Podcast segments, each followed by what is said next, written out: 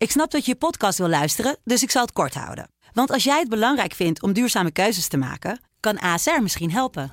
Nou hoor ik je denken, hoe dan? Nou, bijvoorbeeld bij het duurzaam herstellen van schade. Of de premies die we beleggen volgens ons duurzaam beleggingsbeleid. Dat bepaalt waar we wel en juist niet in investeren. Wil je meer weten over welke duurzame keuzes ASR maakt? Ga dan naar asr.nl slash duurzame keuzes. ASR doet het. Zo, dan kan je nu lekker naar je podcast luisteren.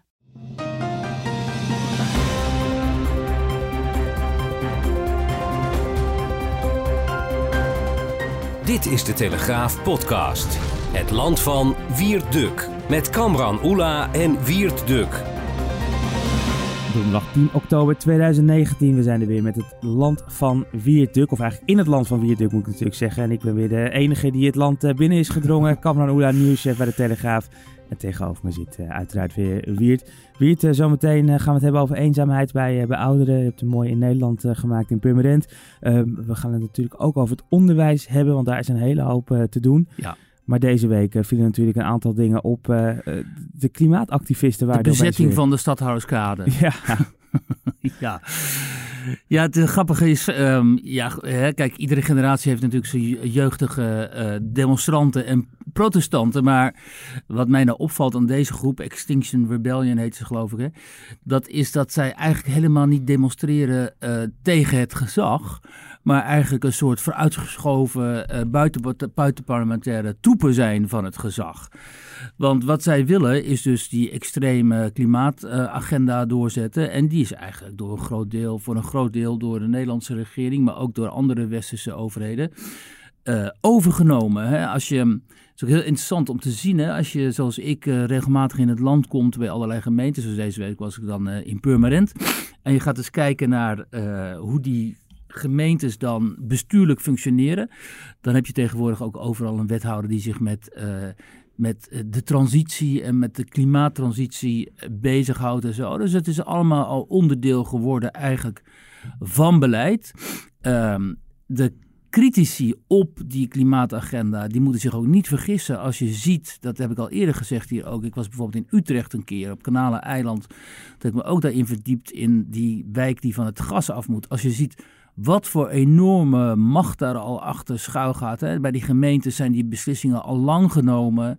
Het hele project is al in gang gezet. Eh, er zitten allerlei bedrijven die zich daarbij hebben aangemeld, die daar mee te maken hebben, die daarvan gaan profiteren, die daar mhm. heel erg veel geld mee gaan verdienen.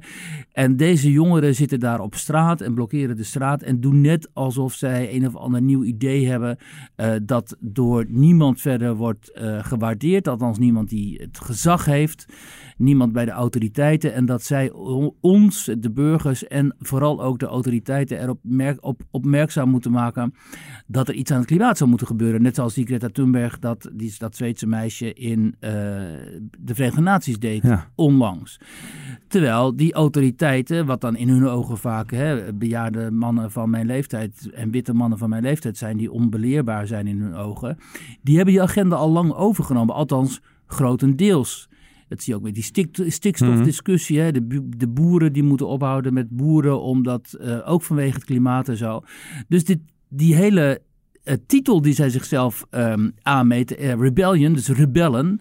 Uh, ze zijn helemaal niet rebels, ze zijn juist heel erg meegaand. Rebels tegenwoordig is, en het geldt op heel veel dossiers, als je je dus um, sceptisch bent over uh, bijvoorbeeld de, maat, de manier waarop die stikstof uh, wordt gemeten. Hè? Want nu blijkt dus dat het RIVM daar uh, misschien wel. Dat is toch het RIVM? Ja, zeker, die, ja, de, ja. de, meetmethodes. Ja, precies. Dat die meetmethodes misschien niet kloppen. waar al heel snel, heel, heel regelmatig op gewezen is de, de, afgelopen maanden. door mensen die buiten, zeg maar, die, die, die, die kliek of die groep vallen die dit allemaal uh, bedisselt met elkaar. En die zeggen, ja, maar die, meet, die meetmethodes die kloppen helemaal niet, joh. Maar Kijk, dus eigenlijk zeg je, ze zeggen we zijn tegen en ze proberen tegen te demonstreren, maar ze, maar ze zijn, eigenlijk, hartstikke voor. Ze zijn eigenlijk voor. En wat ik zeg, ze zijn de, de vooruitgeschoven pionnen van het gezag eigenlijk. Dus het is heel ironisch om te, te zien dat zij denken dat ze zo rebels zijn. En Mhm. dat ze zo, hè, dat zij de, de, de, zeg maar de, de, de nakomelingen zijn van de demonstranten uit de jaren 60. Ja. En van de demonstranten uit de jaren 80, die destijds tegen de eh, kern, tegen die kernraketten demo- demonstreren. Eh, maar dat zijn ze helemaal niet, omdat de autoriteiten hen eigenlijk gewoon voor een heel groot deel gewoon gelijk geven. En, ehm, Ik hoorde dat geloof ik Rob Jetten ook van de week eh, zeggen. Die is een jaar nu fractievoorzitter. En het, eh, volgens mij was het bij Pauw gisteravond zelfs Ja. dat hij had, ging over dat hij klimaatdrammer was. Die zei ja, dat gedram hoeft nu niet meer. Want eh, klimaat hebben bereikt wat we wilden bereiken. Op naar een volgend thema. Nou ja, dat, precies dus dat. En, en dan, komen, dan maken we het politiek. Hè? En dat is heel erg interessant. Ik kom zoveel mensen tegen vanuit de VVD-hoek.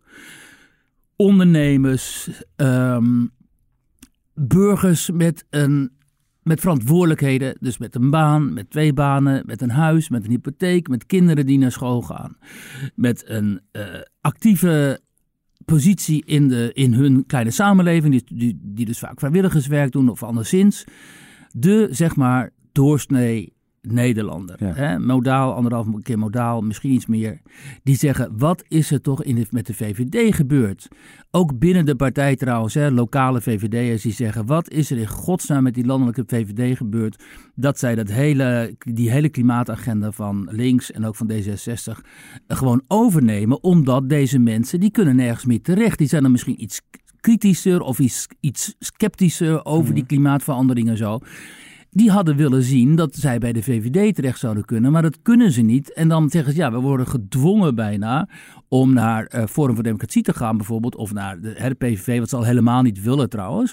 Zij willen die oude VVD die kritisch is en sceptisch op dit soort thema's. Ja. Je ziet het nu bij het CDA gebeuren, hè, van oudsher toch de Partij van de Boeren. Ja, die krijgen, nu, die, die krijgen nu verzet vanuit de eigen gelederen natuurlijk, omdat die boerenstand de nek wordt omgedraaid op deze manier onder invloed van activisme. Je kunt het niet anders beschouwen dan als activisme wa- waar we hiermee te maken hebben. En het is echt, denk ik, heel verontrustend voor heel veel mensen die gematigd zijn, die zich eigenlijk in het centrum van de politiek ophouden, normaal gesproken, dat zij geen keuze meer hebben tussen, omdat zij vinden dat hen deze keuze wordt opgedrongen. Ofwel je stemt dus voor je oude VVD en dan ga je mee, of CDA ook, en dan ga je mee in het activisme van links, komt er Ja. tegenwoordig op neer.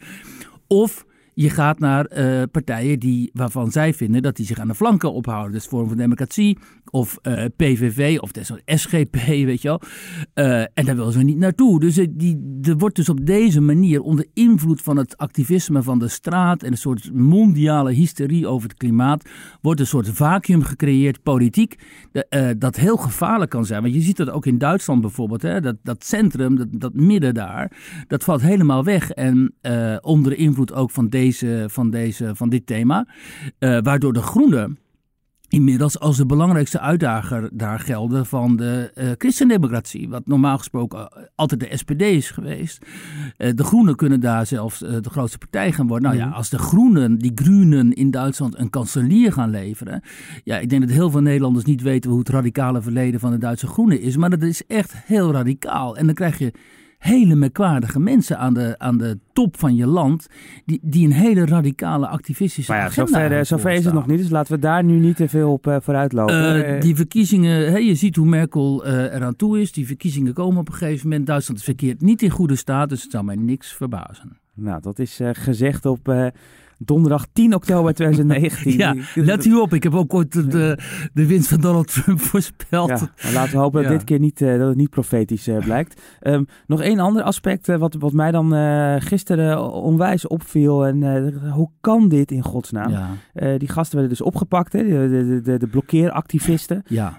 En werden ook heel snel weer vrijgelaten. Moesten ze helemaal uit een de stadsdeel van Amsterdam teruglopen. Al wat erg. was Maar- geen Uber. Nou, eh, ja, precies. Ze hadden geen, ze hadden daar geen Uber. Maar eh, ze werden vrijgelaten omdat eh, in het spoeddebat in Amsterdam bleek de- geen capaciteit. Dus justitie kan Ja. het, kon het niet aan. Nee. Uh, vreemd, hè? Omdat justitie destijds bij de blokkeervriezen enorm veel capaciteit heeft vrijgemaakt om een heel uitgebreid dossier aan te leggen van die vriezen. En hen ook voor de rechter te krijgen en te veroordelen. En uh, ik hoorde van Jenny Douwers dat zij destijds aan politiemacht mensen had gevraagd van joh, wat doe je nou nog uh, anders dan uh, met deze zaak bezig zijn. En toen zei ze, ja Nick, we doen niks anders op dit moment. We zijn mm. alleen met jullie bezig. En als je dan leest hoe bijvoorbeeld daar uh, die uh, iets anders, wat veel tra tragischer is natuurlijk, die kwestie daar rond dat meisje dat is vermoord, mm. hè, uit eerwraak zeg maar. Ja. hoe politie en justitie daar verder tekort zijn geschoten. Ook misschien wel omdat ze niet voldoende mankracht hadden en zo. Dan kun je inderdaad wel gaan afvragen of ze wel hun prioriteiten op Maar het lijkt ook zo'n disbalans, hè, dat in Friesland is daar ruimte voor. Terwijl in Rotterdam met die zaak Humeira uh, geen capaciteit. In Amsterdam natuurlijk nu met die verschrikkelijke uh, laffe moord op uh, de advocaat uh, Wiersum. Wiersum, ja. daar gaat veel capaciteit uiteraard naartoe om dat op te lossen. Wat terecht is, ja. ja. Kijk, er, wordt, er wordt met twee maten gemeten. Dat is duidelijk. Ook over, na, na aanleiding van de moord op de advocaat. Ik hoorde dat strafrechtadvocaten inmiddels overwegen om een manifest op te stellen. Hm om te pleiten voor zwaardere straffen. En uh, nou ja, volledig, omdat ze dus vinden dat, uh, en dat ze ook zoiets hebben van, joh, uh, hoe verdedigen wij deze mensen eigenlijk nog? Hè? Deze, die, die mensen, een van ons vermoorden. En dan denk ik, ja, dat is allemaal goed en aardig. nu, hè, het is een verschrikking natuurlijk geweest, die moord op de advocaat. maar um, nu, het dus, nu het dus heel dichtbij komt ontstaat daar dus ook, en dat is terecht, een nieuw, misschien een nieuw type denken over dit type criminaliteit. Um, en het is jammer dat dat dan zo laat gebeurt, uh, denk ik. En uh, hoe komen we hierop? Omdat we het hadden over meten met twee maten. In het geval van de blokkeervriezen was er natuurlijk ook duidelijk dat daar een uh, daad moest worden gesteld. Of men, de, de overheid wilde een daad stellen. En in het geval van deze activisten op straat uh, ja, nogmaals, die vertegenwoordigen eigenlijk een soort uh, vooruitgeschoven pionnen van wat de macht is. Dus tegenover hen zal veel meer, minder irritatie en ergernis bestaan bij de autoriteiten. Althans, de mensen die op dit moment de autoriteiten vormen. Dan tegenover de blokkeervriezen, omdat die uh, nu eenmaal aan de andere kant van die politieke streep staan. Tot zover dit onderwerp. Gaan we het hebben over het uh, onderwijs, uh, Wiert. Want ook daar is een hele hoop over te doen deze week. Um, het gaat onder andere over een tekort aan, aan leraren, met name het basisonderwijs. Scholen moeten misschien zelfs gaan sluiten in Amsterdam. Hebben we al één voorbeeld gezien, dat was dan een school die het ook heel slecht deed. Maar het lijkt er nu op dat er meer scholen die kant op gaan. En alleen al in Amsterdam zou het om een tekort gaan van meer dan 300 leraren. En, ja. en dat is niet eens landelijk.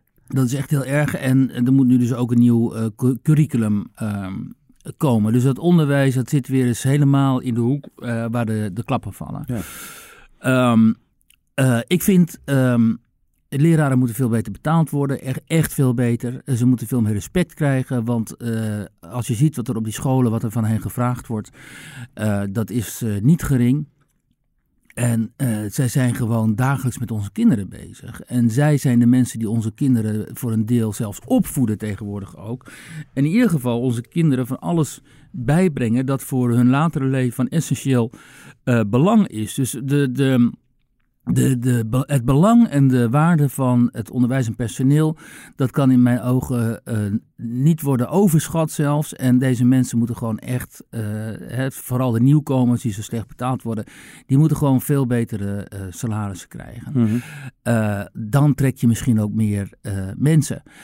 Over het curriculum. Uh, ik hoorde op de radio uh, alweer allerlei leraren zich uitspreken. Um, en een aantal daarvan had gelijk. Die zeggen: joh, laat het onderwijs nou eens een keer met rust. Want het wordt nooit met rust gelaten. Ons wordt nooit eens gegund om gewoon ongeveer zelf te bepalen hoe wij nou um, die kinderen uh, onderwijzen. En um, telkens die onderwijs, dat is niet goed.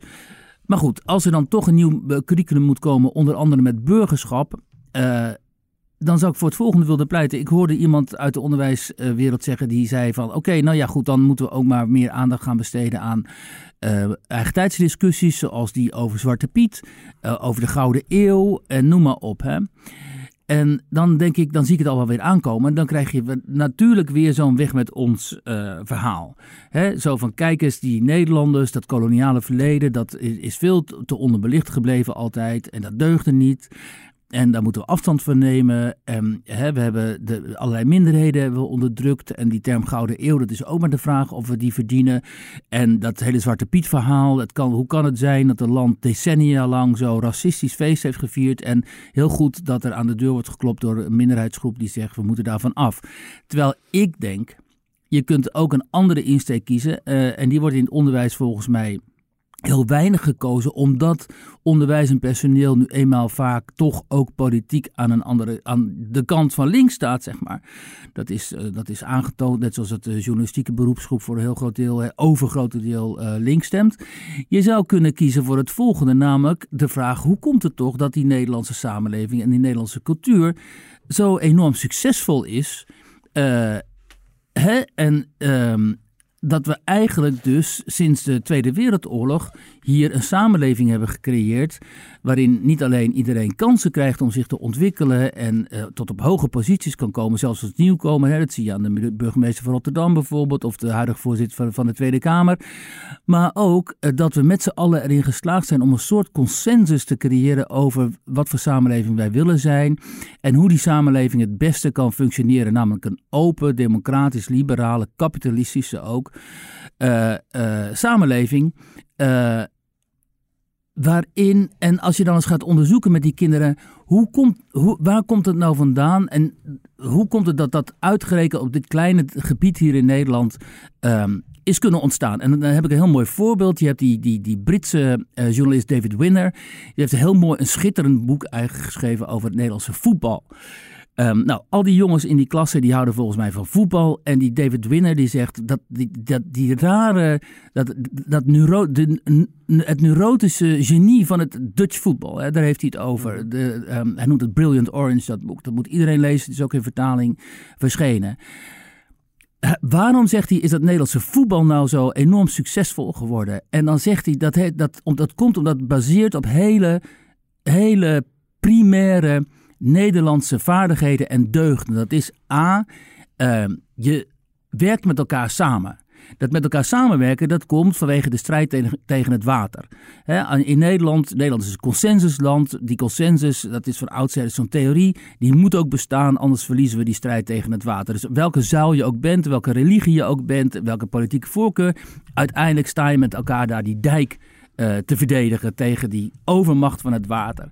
En hij zegt, in het voetbal is het ook zo. Nederlanders, die blinken niet uit doordat ze, zoals Maradona of zo, of, of, of uh, hè, uh, noem nog eens iemand, Messi misschien, ehm, de bal nemen en dan iedereen passeren en dan een goal scoren. Ze blinken uit in positiespel. Hmm. Dus overschieten naar elkaar. Op pleintjes, zegt hij ook, zijn Nederlandse jongetjes, zie je al met elkaar samenwerken door die bal naar elkaar over te spelen en uiteindelijk die, die, die goal te maken. Vervolgens zegt hij, uh, heeft te maken met ruimte. Dat Nederlandse landschap is plat, Nederlanders denken in ruimte. Dat zie je ook inderdaad, is ook zo in de planologie en zo. Nederlanders zijn echt helden in het omgaan met de ruimte, omdat we zo'n klein grondgebied hebben. En omdat het landschap er zich ook voor leent om het, zeg maar, vanuit, van, om het, om het uh, planologisch in te delen. Hè? Dat kan ook veel makkelijker hier. Dus wij zijn gewend om te denken vanuit ruimte en die te creëren, daarmee om te gaan, ruimtes te bespelen. En dat zie je, dat is fantastisch als je dat als auteur kunt aantonen. Dat zie je in het Nederlandse voetbal van Cruijff tot iemand als Frenkie de Jong. De manier waarop zij de ruimtes bespelen is cruciaal voor hun talent. Nou, als je zo'n verhaal hebt, mm. volgens mij kun je dan zo'n klas, in ieder geval de jongens, de meisjes, weet ik niet. De meisjes tegenwoordig ook, want damesvoetbal is dus ook heel populair. Dan kun je de jongens zo voor je winnen, volgens mij. Hè? En dan, als je dit dan laat zien als jongens, dit is nou echt zo typisch Nederlands. Hè? En vanuit dit soort deugden en vaardigheden, dat samenwerken um, En ook het, het, gebruik maken van die ruimte, waardoor je ook met elkaar op. Je kunt ook planologisch zo'n land al zo indelen dat mensen met elkaar in die wijken kunnen eh, leven en zo. Op alle mogelijke manieren kun je die mensen dan duidelijk maken op wat voor manier Nederland uniek is in de wereld. En dat is een veel positievere, vind ik, en leukere instelling dan wanneer je weer begint met, oh god, weet je wel, Zwarte Piet en uh, die VOC en wat vrees ik allemaal. Want ook die VOC en zo, dat komt voort hieruit. Namelijk uh, hè, vanuit een open samenleving, vanuit een land dat ligt aan de zee, die zee opgaan. Niet, niet zoals Duitsers doen, hè, met elkaar in het woud gaan zitten en denken: oh, oh die, die enge buitenwereld. Maar nee, die zee opgaan en de wereld verkennen. Ja, dat is je oude VOC-mentaliteit van Balkenende. Die kon het misschien niet zo uh, goed onder woorden Ja. brengen. Um, maar dat is wel degelijk wat in die Nederlandse genen zit. En dat moet je er niet uit willen halen. Want dat is, dat is wat Nederland zo succesvol heeft gemaakt. En dat moet veel meer, vaker geroemd worden dan dat dat telkens maar weer uh, bekritiseerd wordt. Ja, nu hebben dus 150 schoolleiders en docenten, hè, die hebben erover nagedacht, hè, waar, waar, je, waar jij het ook over hebt, om hoe zij het onderwijs kunnen verbeteren. Gaan het volgens mij vandaag aan minister Slop van Onderwijs uh, aanbieden. Um, daar komt uh, heel nadrukkelijk uh, naar voren de digitale geletterdheid. Nou, die snap ik. Ja. Uh, maar er moet ook een apart vak, of ik geloof dat het kerngebied heet dat dan komen. Ja. Burgerschap. Ja. Um, en, en dat, bedoel, daar, gaat het, daar gaat het uh, ook over. Alleen zoals jij het uitlegt, is een andere dan zij het uitleggen. Want zij politiseren het in, in, in, in mijn uh, beleving. Ja. Door te zeggen dat drie waarden centraal moeten staan: vrijheid, gelijkheid en solidariteit. Ja. Um, kijk, dat zijn weer van die open deuren. Want ja, natuurlijk moeten die uh, gelijk zijn, maar. Uh, hoe, leg je, waar, hoe leg je solidariteit dan uit? Ja. Het valt me nog mee dat ze niet zeggen diversiteit als vierde waarde, want het zou tegenwoordig er ook bij horen. Um, ik vind, je kunt een Nederlands type burgerschap, dat zou je kunnen uh, als in het curriculum kunnen opnemen. En dan kun je al deze waarden waar we over het net hebben gehad. Hè, en ook over het feit dat de democratie voor een groot deel in Nederland uh, is natu natuurlijk zijn wortels heeft in die Nederlandse geschiedenis. Dat kun je allemaal behandelen. En dan kun je veel verder gaan en veel concreter worden dan wanneer je vage begrippen als vrijheid en solidariteit uh, gaat behandelen. Want die gelden voor, hè, voor de hele westerse wereld natuurlijk. Maar je zou, omdat we zo'n gefragmenteerde en gepolariseerde samenleving zou zijn geworden, zou je al die minderheidsgroepen die je tegenwoordig ook in de klas hebt, hè, de Marokkaanse en de Turkse kinderen, maar ook tegenwoordig de Syrische kinderen en zo, die moet je meeslepen in dat Nederlandse verhaal. Je moet er laten zien, joh dit is jullie toekomst. Weet je, hier zijn eeuwen aan vooraf gegaan. Uh, totdat we op het niveau zijn gekomen dat ook jullie hier alle kansen gaan krijgen. Dus het moet niet de vraag zijn of zo'n jongen, zo'n Mo Iataren, die, die, die, dat waanzinnige talent van PSV, mm -hmm. die moet helemaal niet voor de vraag komen te staan, ga ik voor Marokko voetballen of voor Nederland.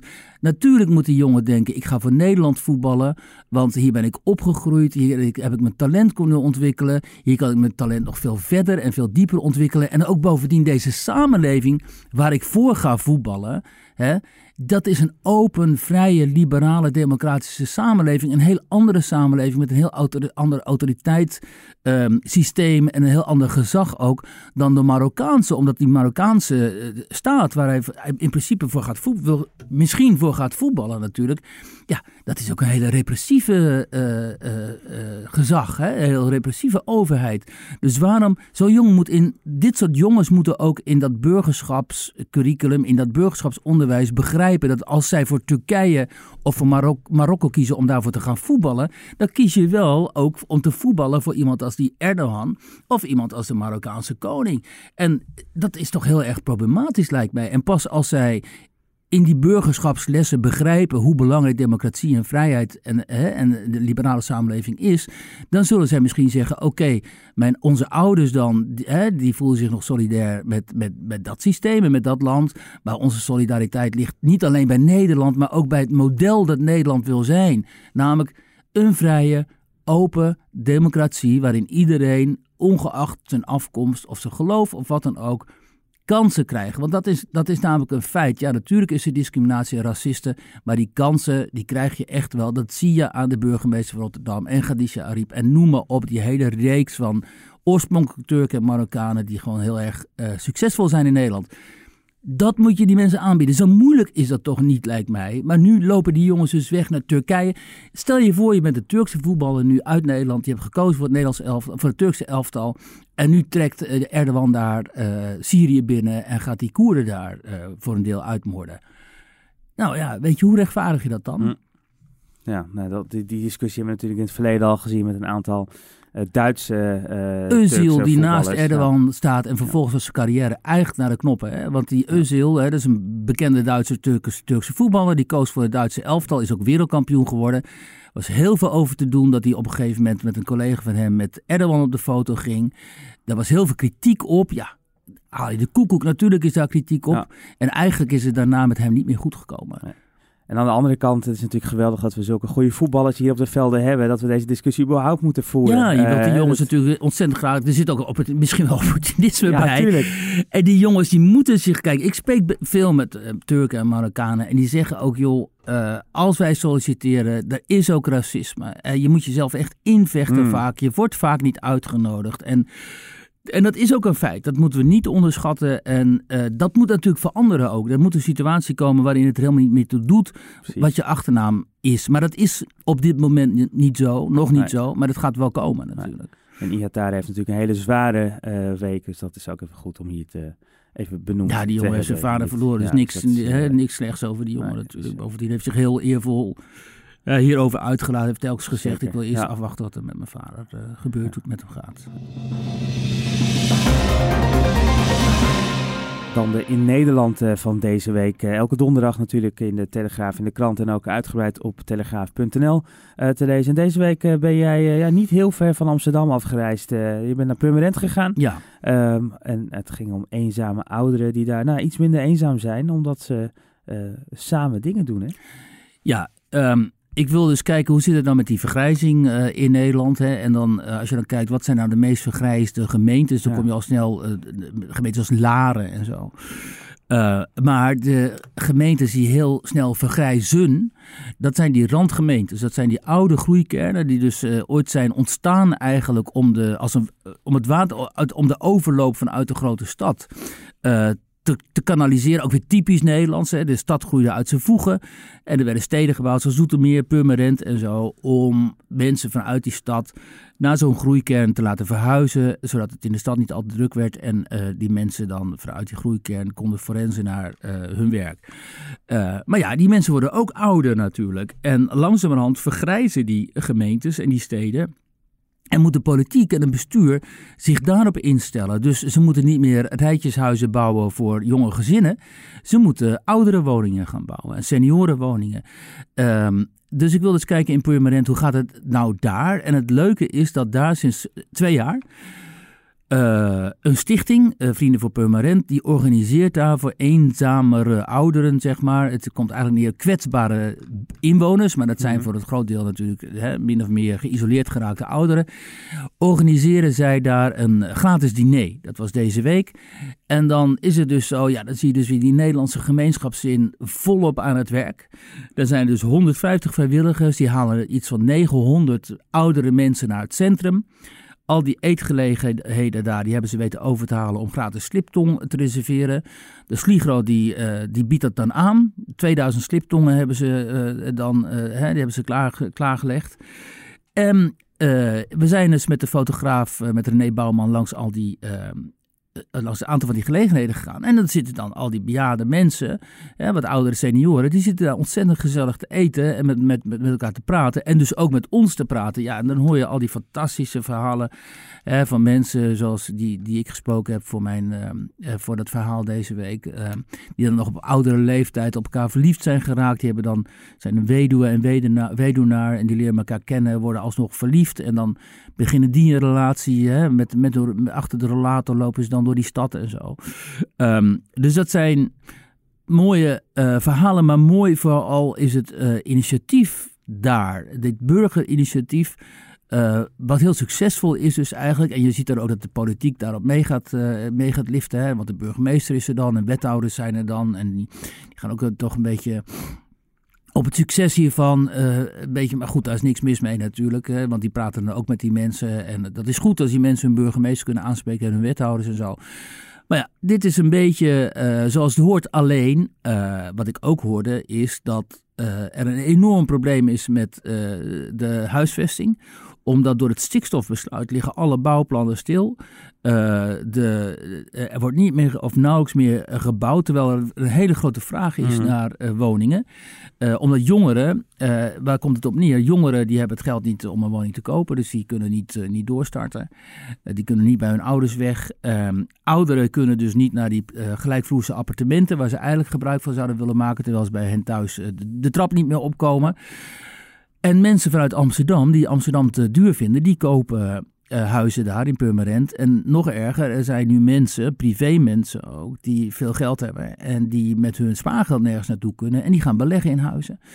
Dus die kopen huizen op en die gaan die huizen verhuren en dat drijft de huren weer op. Dus er is een, dat zegt een oud wethouder ook, die kon natuurlijk vrij spreken, die zegt ja, dit is eigenlijk um, een ramp. Het is een gigantisch probleem, omdat uh, als dit zo doorgaat, dan is op een gegeven moment uh, stagneert die do doorstroming volledig. En dat kun je helemaal niet permitteren. Dus het is heel interessant om te zien dat dit eigenlijk sinds een aantal jaren een nieuw soort probleem is van die randgemeentes, uh, waar misschien wel in de politiek nog te weinig aandacht voor is. Ja. Nou, dat verhaal vandaag dus uitgebreid in de Telegraaf op de pagina in Nederland en ook op onze site te lezen. We zijn er weer doorheen. Yes. Er waren een hele hoop onderwerpen die we ook niet uh, de revue hebben laten, laten passeren. Ja, de trouwstoet uh, ASO die is uh, opgepakt. Van, ja. van onder het bed. Ja, nou ja, het was trouwens wel een... we hadden vandaag ook in de krant en ook op de site het, een interview weer met die, met die agent. En ja. dat is natuurlijk wel echt schrijnend als je dat leest, hoe hoe hard letterlijk die klap is aangekomen. Bij, nou, dit laatste, misschien als laatste dan. Dit is dan typisch zo'n voorbeeld. Oh, sorry. Typisch zo'n voorbeeld van wat je niet wilt. Zo'n zo'n zo'n man uit zo'n groep, uh, etnische groep ook, die staat een agent neer. En dan zou je willen dat de dag daarop, ofwel die man zich meldt. met een bloemetje misschien hè, uh, voor de agent of de vrouw van de agent, of dat de groep zegt: joh, uh, dit kan niet. Nee. wat jij gedaan hebt, ga eens even melden. Dat gebeurt dan niet. Hè? En tot en met als die man in zijn woning, geloof ik, zo ging het, hè, uh, wordt gezocht, dan kruipt hij nog onder het bed. In plaats van dat hij gewoon een man is en zegt: Oké, okay, ja, ik was de dader. En dit zijn twee culturen die volledig met elkaar botsen. Hè? En dit is ook uh, duidelijk dat dan de, de, de, deze groep een heel ander idee heeft van wat het gezag vertegenwoordigt. Hè? Voor hen is de staat toch de, de vijand, zeg maar. Daar hul je niet mee. Je sluit je groep als een oester. Je gaat niet dealen met het gezag. Hè. Dat ken ik ook vanuit Rusland en mm. andere gebieden waar ik geweest ben. Daar is de overheid is altijd jouw vijand. Terwijl onze samenleving baseert er juist op dat de overheid niet jouw vijand is, maar dat je in gesprek bent met de overheid. Nu maakt de overheid ons dat ook wel erg lastig zo langzamerhand, omdat die overheid ook veel te vaak de laatste tijd blijkt onbetrouwbaar te zijn. Een heel belangrijk ding, dat de overheid betrouwbaar is. Dat is hier in Nederland niet altijd, maar de gemiddelde Nederlander ziet de overheid natuurlijk niet als zijn vijand, maar toch meer als een soort van partner. Ja. En deze groepen zien de overheid als hun vijand. En dan is het voor ons verbazingwekkend dat ze zo lang hun mond houden. Maar in zo'n groep is het helemaal niet verbazingwekkend, want zo is hoe je dit doet namelijk. Ja, dat zijn echt dingen die moeten veranderen, anders... Uh, komt het niet goed met die multiculturele samenleving. We hebben het ook niet gehad over de, Nederlandse vertegenwoordiger uh, namens de vrouwen naar de Verenigde Naties. Nee, uh, dat wilden we laten liggen, want we gaan niet persoonlijk iemand... nee. En, ja, want maar... wie het wel persoonlijk maakte, nou, ook daar hebben we het niet over gehad, is Arnoud van Doorn die uh, Altentas heeft, uh, direct ja, heeft aangegeven, aangegeven als een Erdogan-hater. Ja. Uh, en die vreest nu voor zijn leven. Nou, ook dit, hè, dat is weer typisch iets wat we niet kenden eigenlijk. en wat nieuw is, dat is dat die Arnoud van Doorn, die is dan van PVV'er, hij was ooit een PVV'er, is hij nu islamist geworden hmm. eigenlijk. En die geeft dan Turks-Koerdische Nederlanders aan bij de Turkse overheid. Hè. Ja, dat zijn wij dus niet gewend. En, maar het speelt al enige tijd, ook omdat... Ja Eerder werden door Denk werden, uh, Nederlands uh, parlementariërs aangegeven bij de Turkse overheid. Ja, dat is natuurlijk wel iets wat ten ene male helemaal niet past binnen onze politieke cultuur. Uh, daar moet ook hard tegen worden opgetreden. Gebeurt niet. Hè? Dat zal, zal, weer niet gebeuren. Maar ja, willen wij onze politieke cultuur zuiver houden, ja. verdedigen, dan moeten we ook van dit soort praktijken, NSB-praktijken, echt zo sterk afstand nemen. En mij verbaast dan vaak toch wel het gebrek aan verontwaardiging hierover. Interessant is trouwens nog wel als laatste dan, anders blijf ik mensen lastigvallen, dat iemand als Khadija Ariep, de Kamervoorzitter, daar is ook van alles op aan te merken op haar, maar dit begrijpt zij als geen ander. En dat komt volgens mij omdat ze uit die Marokkaanse cultuur komt. Zij is altijd heel fel op denk en op dit soort praktijken, omdat zij volgens mij heel goed begrijpt waar dit uiteindelijk, dit type gedrag, hoe ondemocratisch het is, hoe intolerant en hoe het haakt het staat op de principes van onze democratische rechtsstaat. En het is ook heel goed dat zij dat doet. En ehm, daar kunnen we haar wel eens voor prijzen, inderdaad. Nou, dat is dan met deze ook gebeurd. Kortom, nu alweer genoeg te bespreken voor volgende week. En we hebben nog een hele week te gaan waarin voor alles kan gaan gebeuren. Dus op uh, donderdag 17 oktober vanaf 4 uur weer een nieuwe aflevering van In het Land van Wierduk. Tot dan.